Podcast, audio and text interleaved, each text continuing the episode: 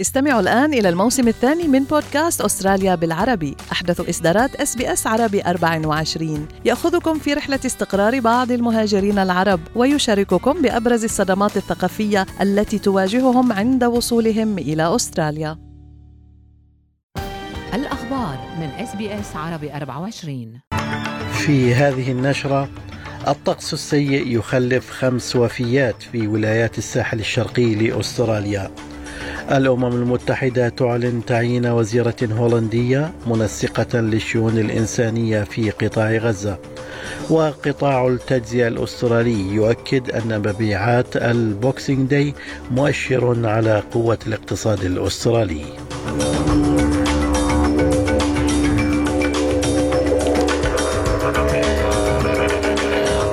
سليم الفهد يحييكم وإليكم التفاصيل.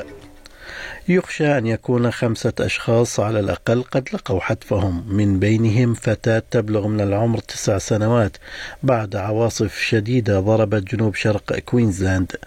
وتم العثور على جثة الفتاة بعد بحث مكثف قامت به الشرطة. كما تم انتشال جثة أخرى في مورتن باي بعد حادث انقلاب قارب يخشى أنه أودى أيضا بحياة شخصين آخرين. كما لقيت امرأة حتفها في ريف فيكتوريا بعد أن ضربت الفيضانات العارمة أحد أماكن التخييم. كما توفي رجل في شرق فيكتوريا وامرأة في منطقة الجولد كوست بعد سقوط الأشجار. هذا ومن المتوقع أن يستمر الطقس السيء الذي يضرب الساحل الساحل الشرقي لأستراليا حتى بعد ظهر اليوم الأربعاء. وقال أنجس هاينز من مكتب الأرصاد الجوية إن الظروف الجوية لن تتحسن حتى وقت لاحق من اليوم الأربعاء. A couple of areas to watch out for where severe storms remain possible on Wednesday from about Sydney across to Melbourne, primarily around the border between Vic and New South Wales, and some further severe thunderstorms possible around central and northern parts of the Queensland coast, maybe clipping Brisbane at times, but by and large, by Wednesday afternoon, we're starting to see the end in sight for this thunderstorm outbreak. We will see a slight easing trend to the conditions by then. أعلنت الأمم المتحدة تعيين الوزيرة الهولندية سيغريد كاغ منسقة للشؤون الإنسانية في قطاع غزة بعد صدور قرار عن مجلس الأمن الدولي يدعو لزيادة المساعدات في ظل الأزمة الحادة الناتجة عن الحرب بين إسرائيل وحماس. وأفادت المنظمة الدولية أن أمينها العام أنطونيو غوتريش أعلن تعيين السيدة سيغريد كاغ من هولندا منسقة عليا للشؤون الإنسانية وإعادة الإعمار في غزة على أن تتولى إقامة آلية أممية لتسريع شحنات الإغاثة الإنسانية إلى غزة عبر دول ليست طرفا في النزاع. يأتي ذلك فيما أكد مسؤولو الأمم المتحدة أن العديد من الفلسطينيين في قطاع غزة اتبعوا أوامر الإخلاء التي أصدرها الجيش الإسرائيلي إلا أنهم لم يجدوا مكانا للاحتماء فيه. وقالت جيما كونيل وهي تعمل في غزة منذ عدة أسابيع أن الآلاف من الأشخاص نزحوا عدة مرات ولا يوجد مكان آمن لهم الآن. وكان رئيس الوزراء الإسرائيلي بنيامين نتنياهو قد حذر من أن الهجوم على غزة سيتوسع في الأيام المقبلة فيما قام منسق فريق الطوارئ الطبي التابع لمنظمة الصحة العالمية شون كيسي بزيارة المستشفيات في غزة لتقديم الإمدادات التي تشتد الحاجة إليها. وقال إن هناك أزمات متعددة تواجه المدنيين في غزة. There's the risk of a famine here in Gaza, actually. And even here in the hospital, everybody says that they only have rice. They have very often only one meal a day, uh, and they're hungry. So, you know, we brought medical supplies here, we've brought surgical supplies here. Everybody wants food. And we're currently in the kitchen trying to find a way that we can reactivate this kitchen.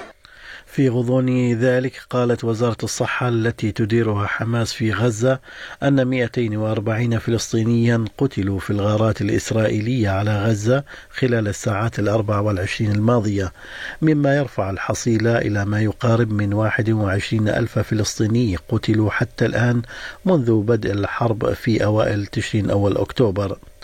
من جانبه قال رئيس أركان الجيش الإسرائيلي هارتسي ليفي إن الحرب في غزة من المرجح أن تستمر لعدة أشهر أخرى למלחמה הזו מטרות הכרחיות ולא פשוטות להשגה.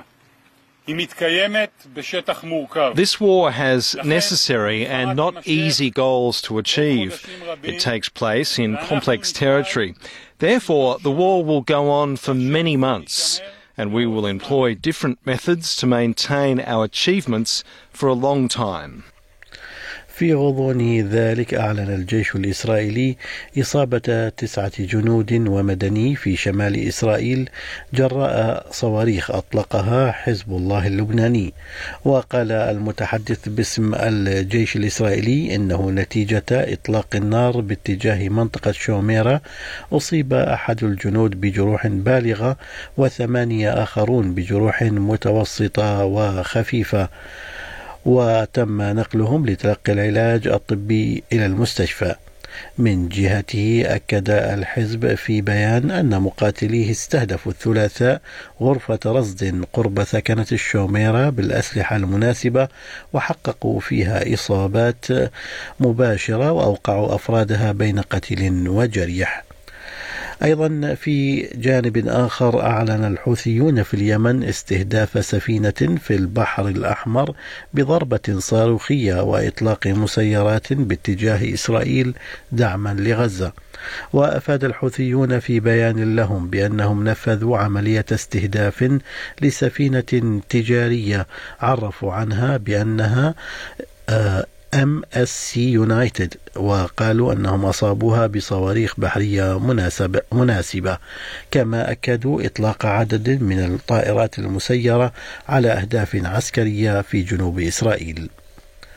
في عودة لمحلياتنا قالت مجموعة تمثل قطاع التجزئة الأسترالي أن مبيعات البوكسينج داي ستكون مؤشرا على قوة نشاط التجزئة حتى كانون الثاني يناير 2024 وأضافت جمعية تجار التجزئة الأسترالية إنها تتوقع زيادة بنسبة 1.16% على أساس سنوي في المبيعات بين السادس والعشرين من كانون أول ديسمبر الجاري والخامس عشر من كانون الثاني يناير.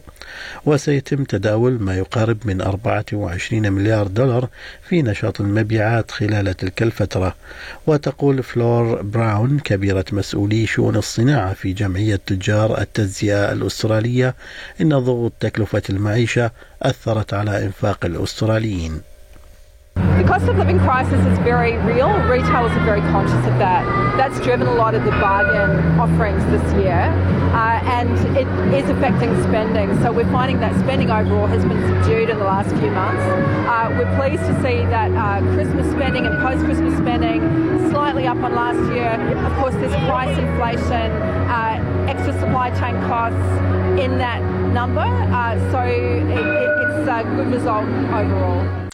يوثق معرض معرض صور جديد في ملبورن قصص المهاجرين اليونانيين إلى أستراليا. ويضم معرض فيو فايندر في المتحف الهيليني أربعين عاما من الصور الفوتوغرافية. التقطت الصور مصورة الأفلام الوثائقية والصور الشخصية الرائدة إيفي ألكساكسس التي تسجل أرشيفا للاغتراب اليوناني منذ عام 1982 وتقول أنها أرادت تجاوز الصور النمطية في عملها. We wanted to change the stereotypes that existed. Whenever um, uh, mainstream media wanted to focus on a Greek person, they would choose someone in national dress or they would choose a cafe. Even though I have photographed people in national dress and cafes, we wanted to say that they were these things, but much, much more. They became academics, they became you know, all gamuts of um, Australian society. They're involved in everything. So it's important to recognise and see ourselves in exhibitions, in galleries and museums. في الرياضة انطلق أمس سباق سيدني إلى هوبارت الشهير لليخوت حيث تواجه اليخوت المشاركة طقسا سيئا. وتوقع مكتب الأرصاد الجوية ظروفا جوية صعبة خلال السباق بما في ذلك الأمطار والرياح القوية والبرد. يبحر الفرنسي بيير على متن اليخت وايلد أوتس لأول مرة. وقال بي أس إن الظروف الجوية تجعل من الصعب التنبؤ بالفائز. It's an iconic boat. Uh, this boat won the race a few years ago. So for us, it's not about winning; it's about uh, going there. But uh, yeah, it's going to be great. Four days normally, so we'll see. It's going to be uh, very stormy at Storm Bay uh, near, near, near Tasmania, with a lot of waves probably. Um, a little bit cold because it's going to be southerly, but uh, it's actually quite quite nice to be you know fighting against the elements. So it's going to be fun. في أسعار العملات بلغ سعر صرف الدولار الأسترالي 68 سنتا أمريكيا.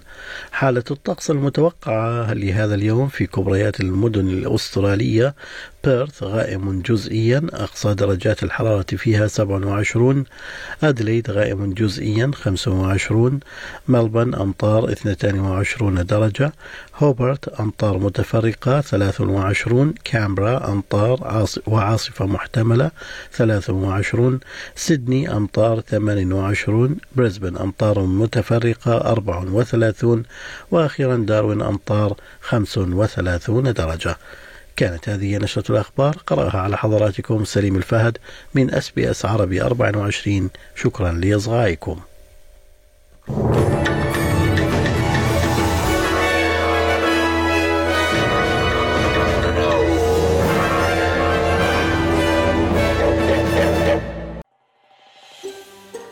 تريدون الاستماع إلى المزيد من هذه القصص؟ استمعوا من خلال أبل بودكاست، جوجل بودكاست، سبوتيفاي أو من أينما تحصلون على البودكاست